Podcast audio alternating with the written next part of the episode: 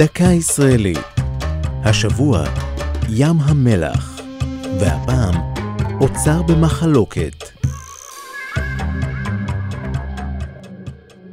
במקום הנמוך בעולם, דרומית לים המלח, שוכנים מהגדולים במפעלי הארץ, מפעלי ים המלח.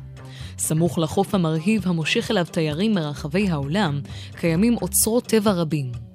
ריכוז המלחים בימה גבוה פי עשרה מריכוזו בימים אחרים.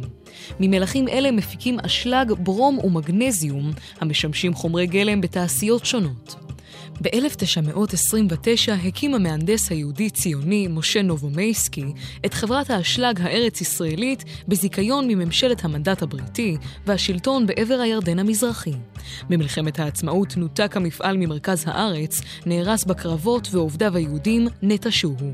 עם קום המדינה ביקשה הממשלה לבחון מחדש את ייצור האשלג במקום, וכעבור שנים ספורות הוחלט לחדש את המפעל תוך הלאמתו, בטענה שהנהלתו הקודמת נכשלה בניצול משאבי הימה. ברבות השנים הפכו מפעלי ים המלח את ישראל לאחת מיצואניות האשלג והברום הגדולות בעולם. בסוף שנות ה-90 הנפיקה המדינה את מניות כימיקלים לישראל, בעלת המפעלים, ואחר כך הם עברו לידיים פרטיות.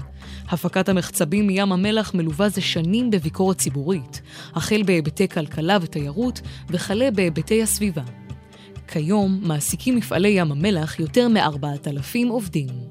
זו הייתה דקה ישראלית על ים המלח ואוצר במחלוקת, כתבה טליה כהן. ייעוץ הדוקטור רן אור נר, עורך ליאור פרידמן.